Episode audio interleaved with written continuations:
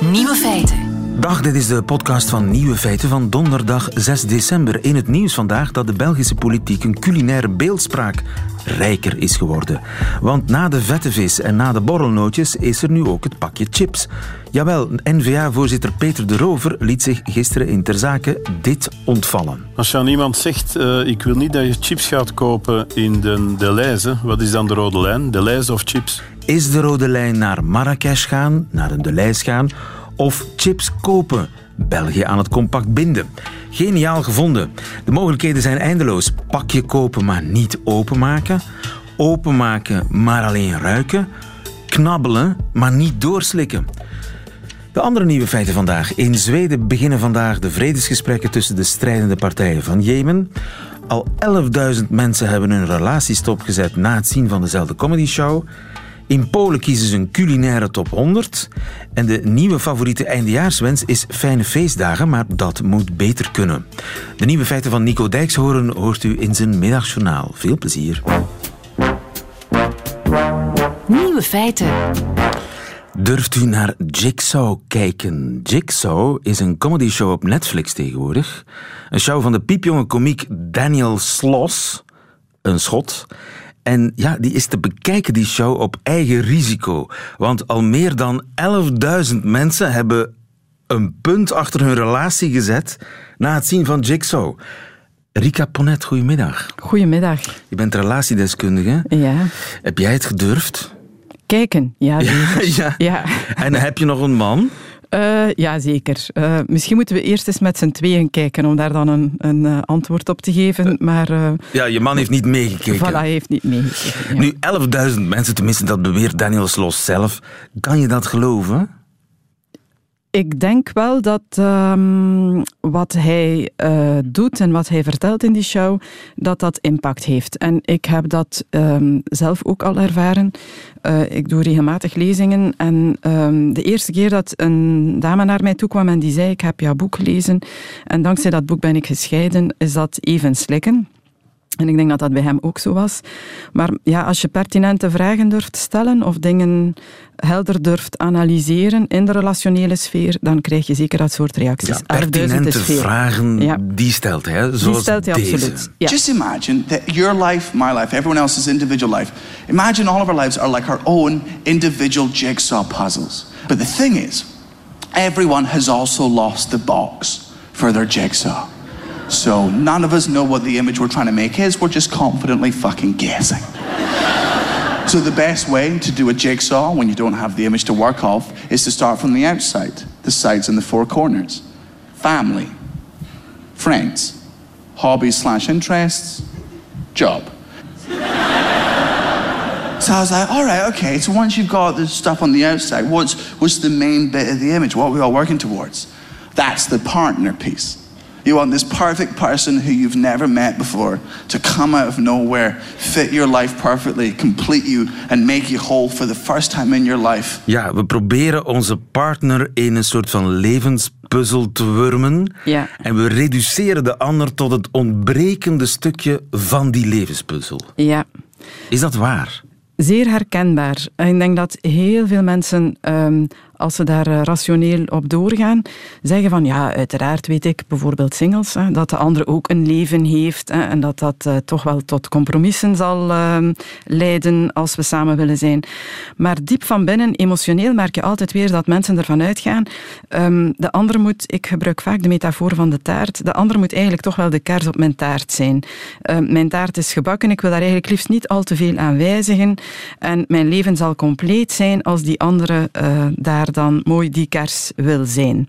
We vergeten daarbij dat de andere ondertussen ook al een taart gebakken heeft. En uh, ook op zoek is naar die kers. En, um, dus ja, en, uh, en dat zegt hij ook heel mooi. Een relatie starten met iemand betekent een nieuwe puzzel leggen. En dat is fucking irritant. Zegt Samen een Ja. taart bakken. Samen een taart bakken. Dat is eigenlijk. En dat is een andere opdracht dan.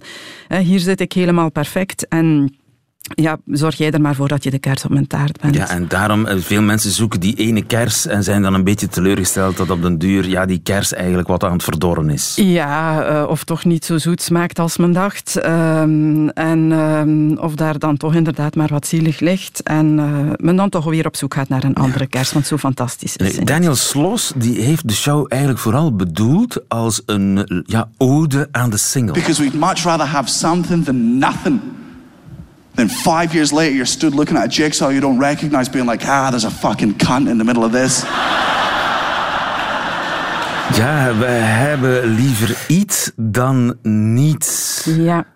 Ik vind niet dat het een pleidooi is voor het single zijn. Uh, hij zegt dat wel met zoveel woorden, maar daar zit een veel diepere boodschap in. Zijn pleidooi is eigenlijk vooral durf te leven vanuit uh, je verlangen. Uh, leer ook met jezelf te leven.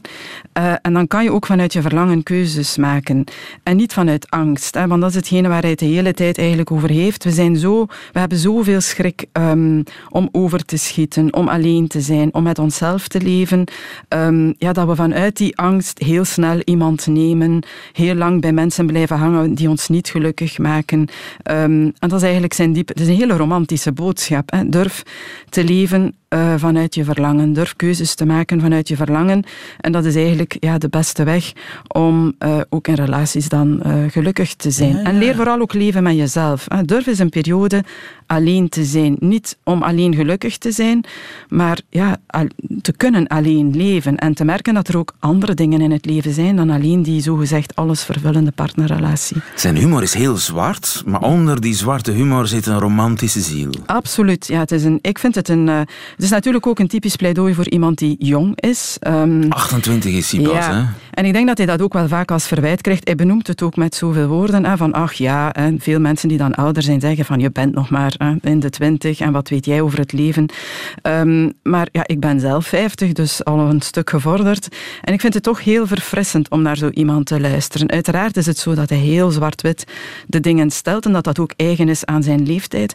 Maar anderzijds denk ik dat ja, wie dan wat rijper en ouder is, um, ja, heel sterk die zuiverheid van wat hij brengt, uh, terug kan aangrijpen om eens te kijken naar, ja, ben ik effectief wel zo goed bezig? En, moet uh, ik geen punt zetten voilà, achter en, mijn relatie? Um, en ja, ben ik niet te veel bezig met, ach ja, het is wat het is, we zetten het maar uit. En, um, en de, de meest pertinente dingen die hij aanhaalt, en ik denk dat dat eigenlijk het punt is waarop mensen effectief ook zouden kunnen beslissen van, ik zet de stap. Uh, hij stelt op een bepaald moment twee heel pertinente vragen uit op een heel mooie manier. Zegt hij, ja, um, als je nu denkt van, oké, okay, de afgelopen vijf jaar van mijn leven zijn verloren tijd geweest. En dan wacht hij even, is er een stilte en dan zegt hij, wil ik de rest van mijn leven ook zo doorbrengen? En ik denk dat dat eigenlijk uh, ja, dat dat een heel diepgaande vraag is. Hè. Hoe kijk ik terug op wat er geweest is? En wil ik eigenlijk dat de rest van mijn leven er ook zo uitziet? Ik heb maar één leven. Uh, en er lopen meer mensen rond dan die ene partner waar ik nu bij ben. Ja. En is dit wat ik wil? Ja. En als je dan als koppel in de zaal zit en niet, niet lacht, ja, dan, heb je een probleem. Dan heb je een probleem. Ja, en uh, er is nog een signaal om weg te gaan bij je partner. All I'm asking is, if you've ever been in a situation like that, in a relationship where you felt trapped, like you couldn't get out of it and it was just easier to stay in it. All I'm asking is if even for the briefest of seconds, have you ever accidentally caught yourself thinking how much easier life would be?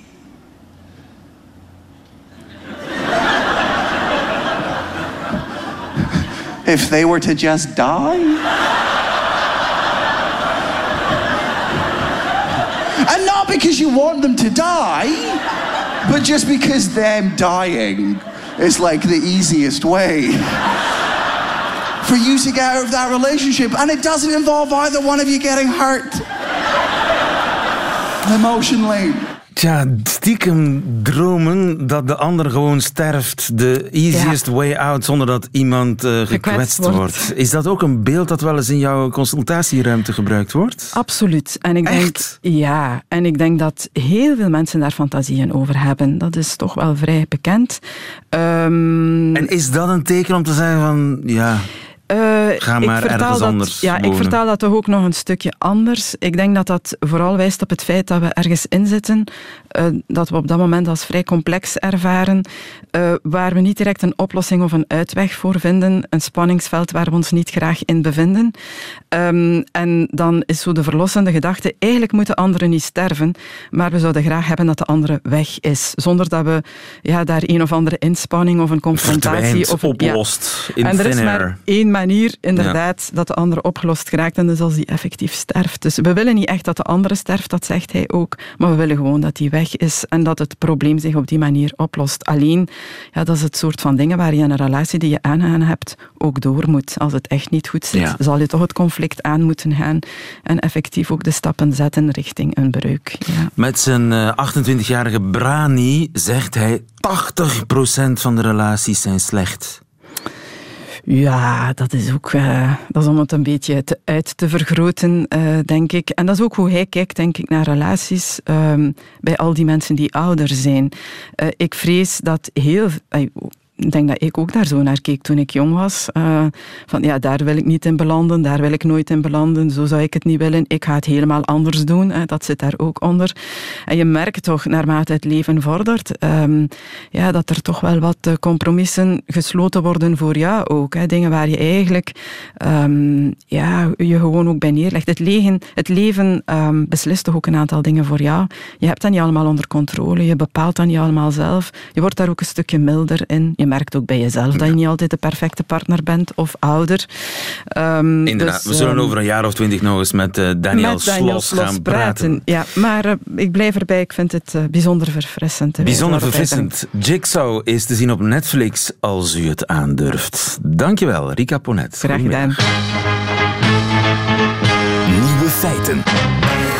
Quizvraagje voor onze technicus Michel. De beste technicus van Radio 1 overigens. Noem een Pools gerecht, Michel. Volgens mij gekookte varkensknie of zo. Gekookte varkensknieën.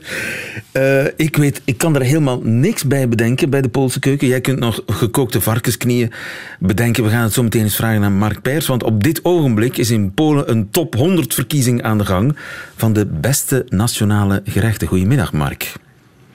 Goedemiddag. Onze man in Polen. Gekookte varkensknieën, is dat uh, iets Pools? Nee, dat niet. Maar uh, het is inderdaad het wel een gekund. beetje l'embarras du choix. Het had gekund. Als, als je het uh, hebt over uh, akelige gerechten, is het hier wel een beetje l'embarras du choix. Het zijn geen fijnproevers, de Polen.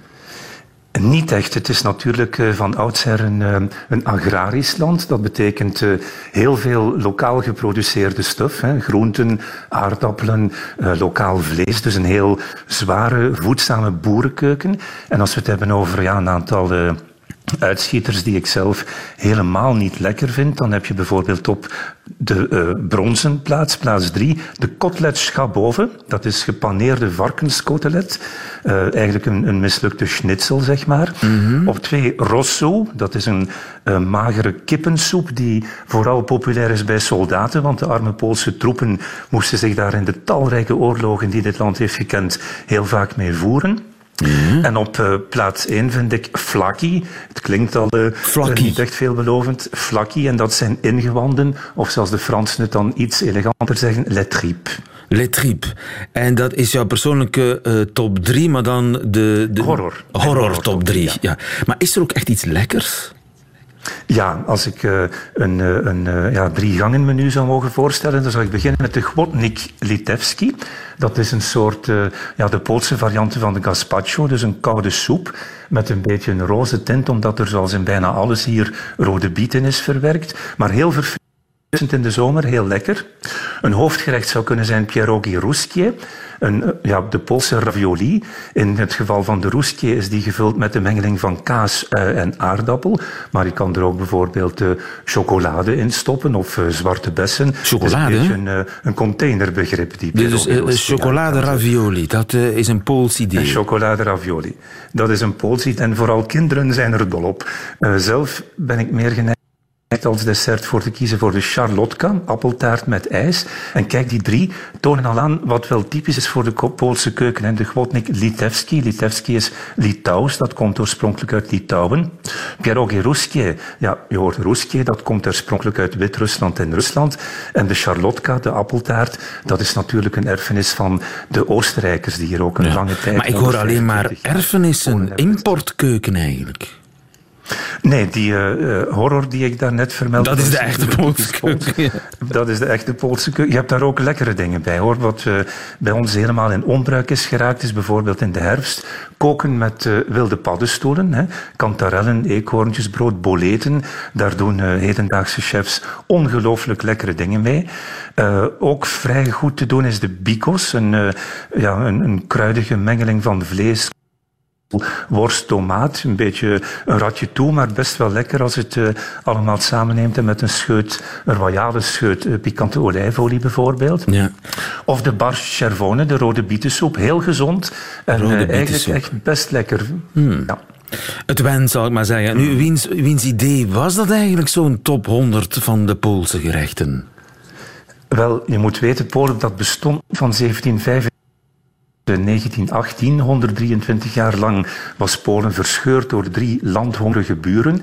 Rusland in het oosten, Pruisen in het westen en Oostenrijk-Hongarije in het zuiden. Die hadden onder hun drietjes Polen verdeeld. Dus exact dit jaar, 2018, is Polen net 100 jaar onafhankelijk. En de regerende partij Recht en Rechtvaardigheid, altijd uh, uh, nooit te premmen voor een, een nationalistische stunt. De minister van Landbouw, Ardanowski, die dacht van... Hm, de 100 jaar onafhankelijkheid koppelen aan het 100 van Poolse, typisch Poolse gerechten. En tot 15 december mogen de Polen hun top 3 insturen bij dat ministerie van Landbouw. Spannend zeg. Dus het kadert allemaal in een soort Pools revij. Als ik nu zelf wil proeven, kan dat ook bij ons? Want er zijn wel Poolse restaurants, hè? die bestaan, hè? Ja, die bestaan in, in de grotere steden Antwerpen. In Brussel ga je er zeker een aantal vinden. En ook natuurlijk, je kan uh, heel veel diepgevroren Poolse gerechten kopen in de zogenaamde en talrijke sklep Pozivtje. Dat is het Poolse kruidenierzaak. In Brussel uh, heb je er een heleboel.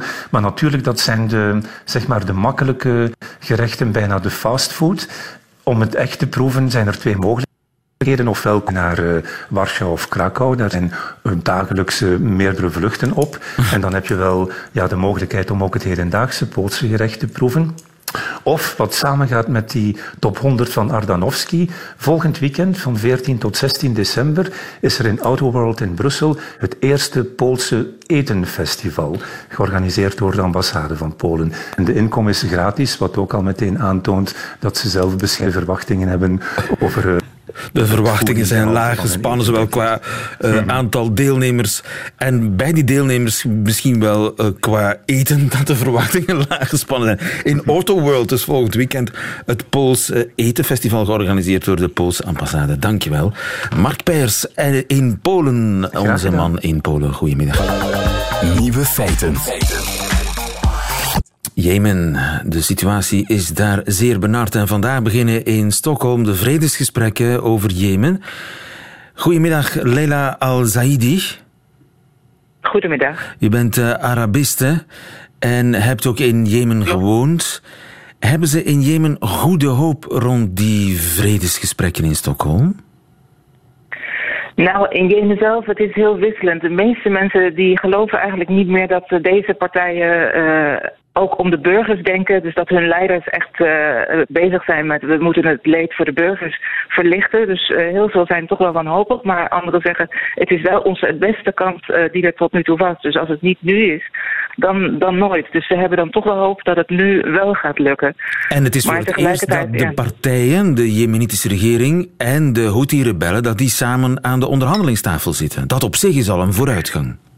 Dat op zich is al heel erg een vooruitgang. En het is ook nog niet zeker of ze echt recht tegenover elkaar aan de tafel zitten, maar in ieder geval in dezelfde ruimte zijn en op dezelfde plek. Um, en uh, ja, dat is in twee jaar niet gelukt. Uh, wat dat betreft is dat zeker een enorme stap naar voren. dankzij de speciale gezant van de Verenigde Naties ook. Maar er zijn natuurlijk nog andere betrokken partijen. Saudi-Arabië en Iran. Saudi-Arabië die de regering steunt, Iran die de Houthi-rebellen steunt.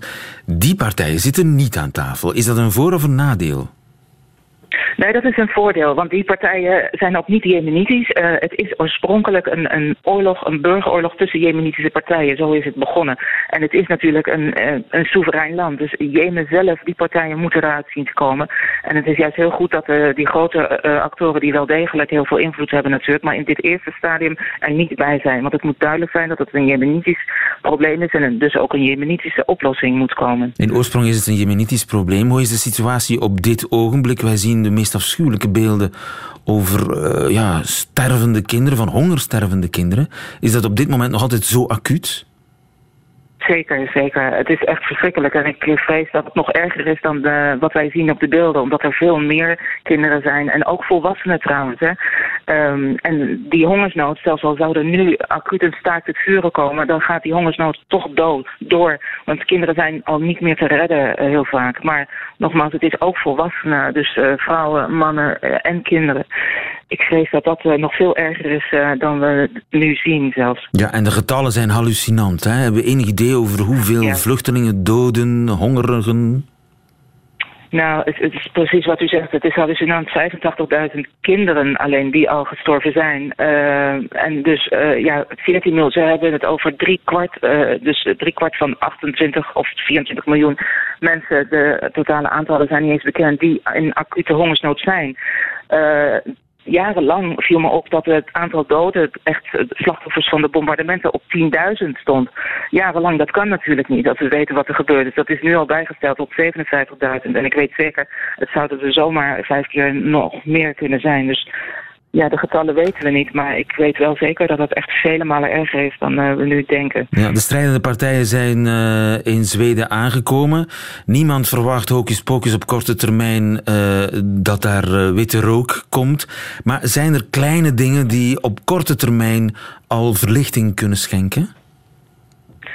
Nou, het belangrijkste is het vertrouwen winnen tussen de twee partijen. Dus een, uh, een gevangenenuitruil, uh, dat gaat over duizenden gevangenen, waardoor je gezinnen weer bij elkaar kan brengen. Dat is wel belangrijk om het vertrouwen te winnen. En de havenstad Hodeida, die is echt belangrijk, want daar komen, uh, daar zijn nu enorme gevechten, maar daar moeten de transporten voor de hulpgoederen doorheen komen. Dus het, het, ze proberen nu een de-escalatie van die gevechten te hebben, zodat er meer goederen doorheen komen.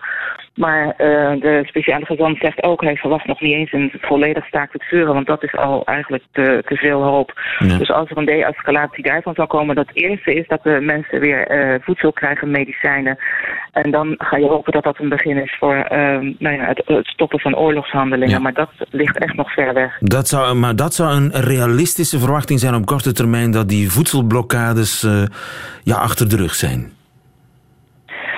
Dat ja, is de, de eerste hoop. Het is niet meer realistisch te noemen, want het is de eerste hoop en dat is het, waar het eerst op ingezet wordt. Uh, dus niet om te zeggen van uh, de een moet stoppen met uh, vechten en de ander, maar echt op te richten op die burgers en op het verlichten van de nood van de burgers. We hopen dat ze daar alle beide partijen wel voor kunnen aanzetten. Dat die daarvoor wel denken, oké, okay, dat kunnen we nog doen, maar niet politiek van ik stop als eerste en de ander. Dus de politieke onderhandelingen die zijn echt nog ver weg, maar als we ons richten op de burgers dan heb je kans dat de partijen misschien uh, ja, een stapje terug doen. Klein sprankeltje hoop toch. Mevrouw Al-Zaidi, dankjewel. Goedemiddag. Goedemiddag. Radio 1. Nieuwe feiten.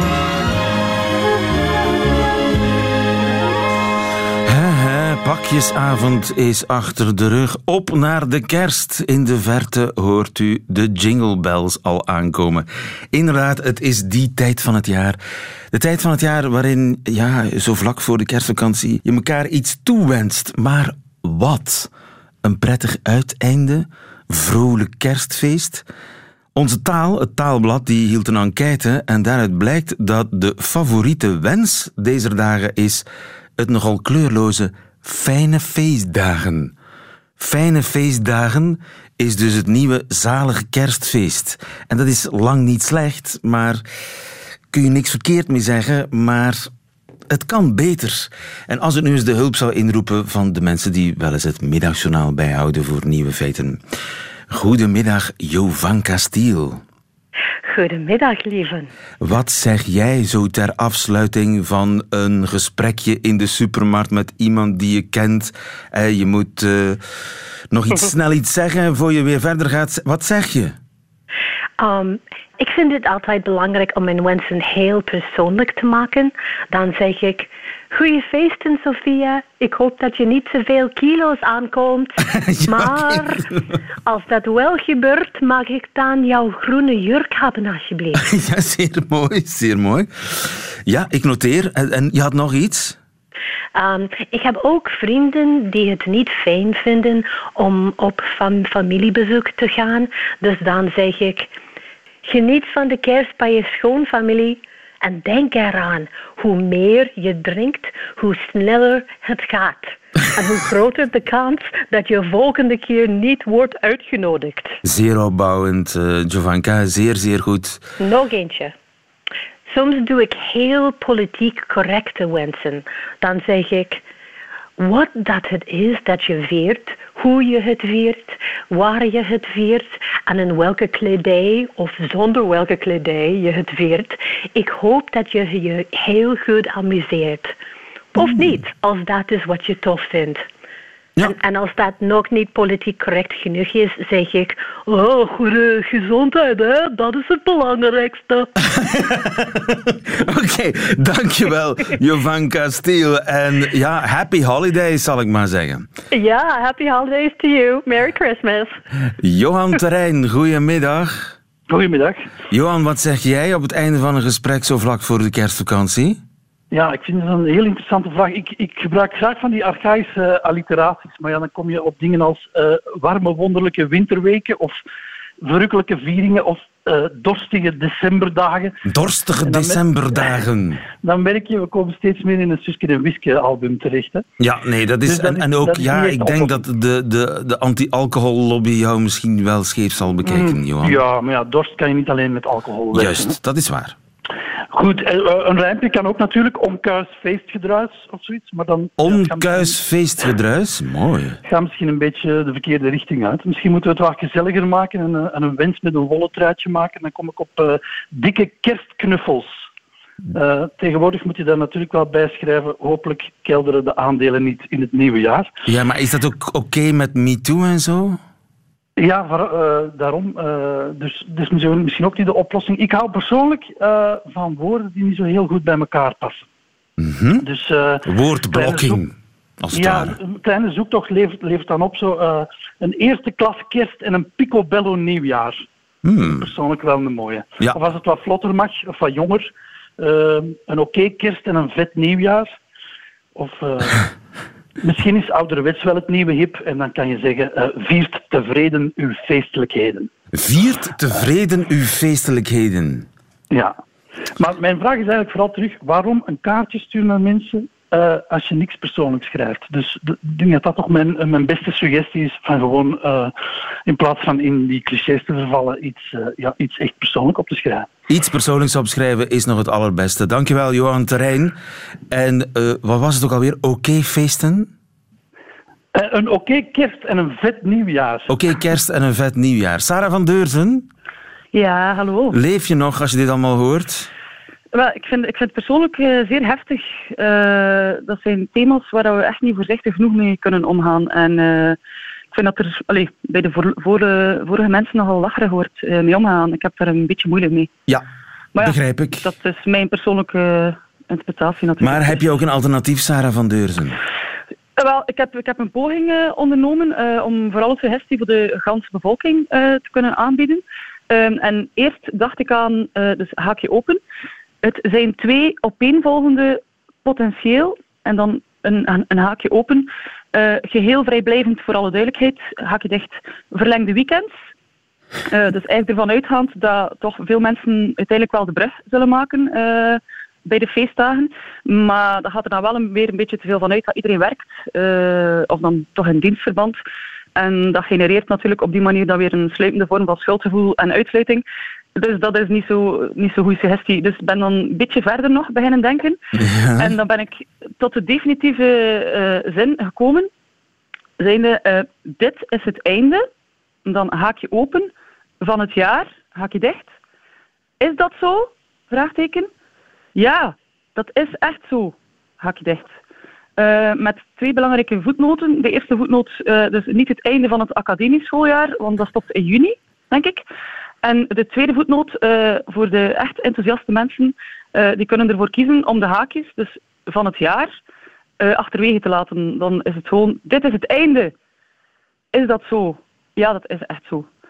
Ehm, en dan zou ik eigenlijk gewoon willen ja, de mensen aanmoedigen om de persoonlijke, het persoonlijke gevoel of de nuance in het stemtimbre of in het lettertype, in het geval van een kaartje, te O- steken. ook niet onbelangrijk, het lettertype en het, lettertype. stemtimbre. Dit is het einde Ja, wa- haakje open van het jaar. Van het Haakje jaar. dicht. Haakjes ja, ja, dicht. Het gaat over feiten, hè. Ja, de feiten en niets dan de feiten. Dat is misschien nog een, Ja. geen slecht Ik idee. vind dat belangrijk. Ik neem hem mee. Sarah van Deurzen, dankjewel. Bas Birker, goedemiddag. Hele goede middag. Had jij, kun jij daar nog boven? Kun je daar nog overheen? Ik, ben het, wel een beetje eens met Sarah eigenlijk. Eerlijkheid is heel belangrijk. Want het is natuurlijk zoiets leegs, die nieuwjaarswensen. Het is ik vind het een beetje zoals die verjaardagswensen op Facebook tegenwoordig. Ook, vroeger stuurden we een fijne verjaardag aan tien mensen. En nu doen we dat duizend per jaar met allemaal zo'n onpersoonlijke tekst. Eh, zo gefeli. Industrieel is het eigenlijk bijna. hè? Industrieel is het, ja, inderdaad. En, en die kerstkaarten, dat werkt natuurlijk... Dat is eigenlijk hetzelfde basis als kinderfeestjes. Hè? Van, jij mag naar mijn feestje komen als ik naar jouw feestje mag komen. Dus de meeste mensen sturen een kaartje, omdat ze een kaartje terug willen. En dat is, eigenlijk zegt dat eindejaarskaartje alleen maar... eh, eh, kijk, ik ben je niet vergeten. Wat natuurlijk ook gelul is, want de enige reden dat je aan de ontvanger denkt... is omdat die in je boekje staat van niet vergeten een kerstkaart te sturen. Het is eigenlijk, ja, ik vind heel, ik, eh, kijk, ik stuur geen kerstkaart, want ik vind het zo'n beetje de, ja, de Facebook felicitatie avant la lettre. Dus geen Want kerstkaart, dat is ook een oplossing. tuurlijk, maar Het is alleen maar om aan te tonen hoe attent jij bent. Ja, ja, En ja. rijk, want eh, 50 kerstkaartjes sturen kost godsvermogens. Dus ik, ik zeg een eerlijke boodschap op de kerstkaart. Aha. Natuurlijk is het nieuwjaar, maar kijk eens hoe attent ik ben. Hoera voor mij. ja, dat is eerlijk. Of stuur volgend jaar een kaartje terug. Dat kan ook. Schreeuw om aandacht. Dat is wat het is. Bas Birker, bedankt voor je eerlijkheid. Graag gedaan.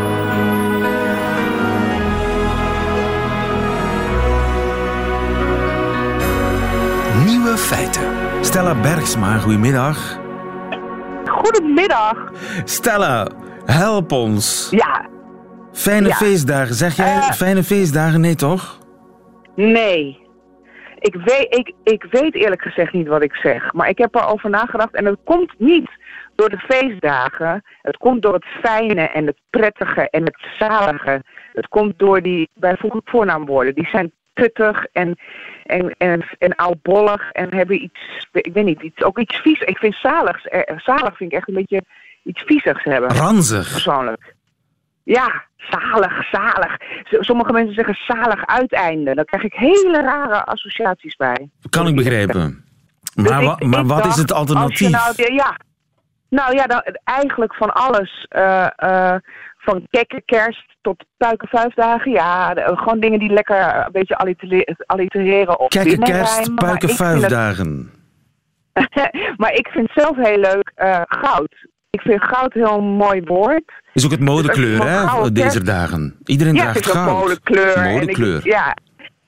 Eh, dus, dus is het ook wel modieus om iemand een gouden kerst te wensen. Of een goud nieuwjaar. Of goud en nieuw.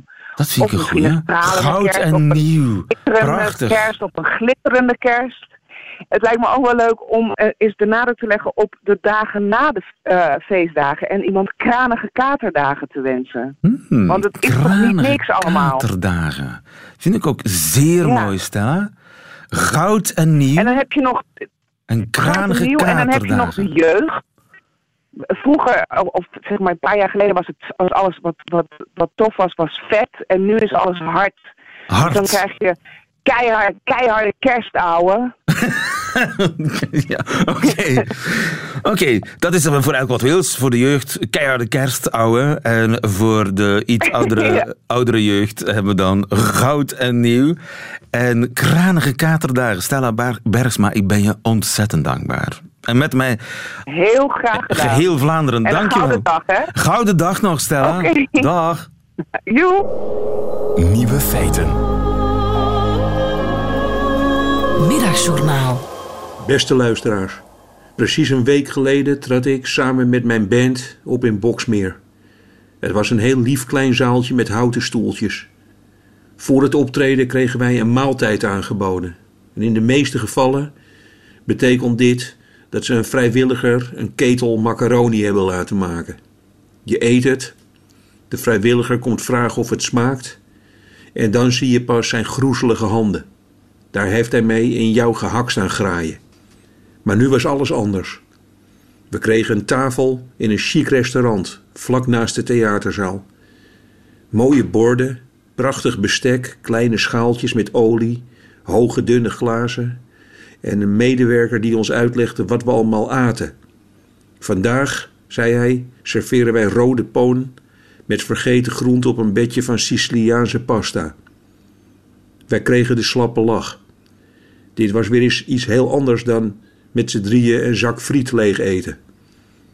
Maar nu komt het. Na het optreden mengden wij ons onder het publiek. En steeds maar weer kregen wij dezelfde vraag. En, en, hoe vonden jullie het eten? En daarna keken ze ons lachend aan. En ik begreep al heel snel wat ik moest zeggen. Ik zei steeds fantastisch. Dat maak je nergens anders mee. En dat deed ik dan ook, dat zei ik. Het was zo lief, luisteraars, hoe trots al die mensen in Boksmeer op hun restaurant waren. Sommigen vroegen me wat ik van de borden vond. Ja, zei ik, prachtige borden, precies rond. Misschien wel het mooiste bord waar ik ooit van heb gegeten. Ik begon er plezier in te krijgen en ik begon te overdrijven. Ze vroegen me wat ik van het hoofdgerecht vond. Ik zei, dat deed mij een beetje denken aan een vroeg verhaal van Raymond Carver. Of ik zei, zoals die vis op ons bord lag, dat deed me denken aan die ene scène in The Deer Hunter. Prachtig. En luisteraars, die mensen waren het allemaal met me eens. Ik vond hun restaurant heel goed. Ze konden weer vooruit in het leven. Ze gingen het thuis vertellen. En, hoe was Dijkshoren? Ja, zouden ze antwoorden, heel fijn. Hij vond ons restaurant heel goed.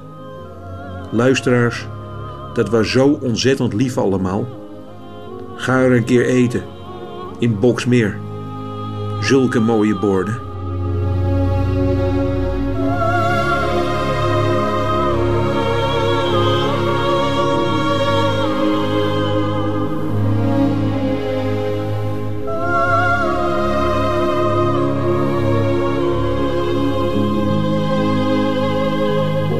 Middagjournaal met Nico Dijkshoorn. Einde van deze podcast. U vindt er nog veel meer op radio1.be en op alle mogelijke podcastkanalen. Tot volgende keer.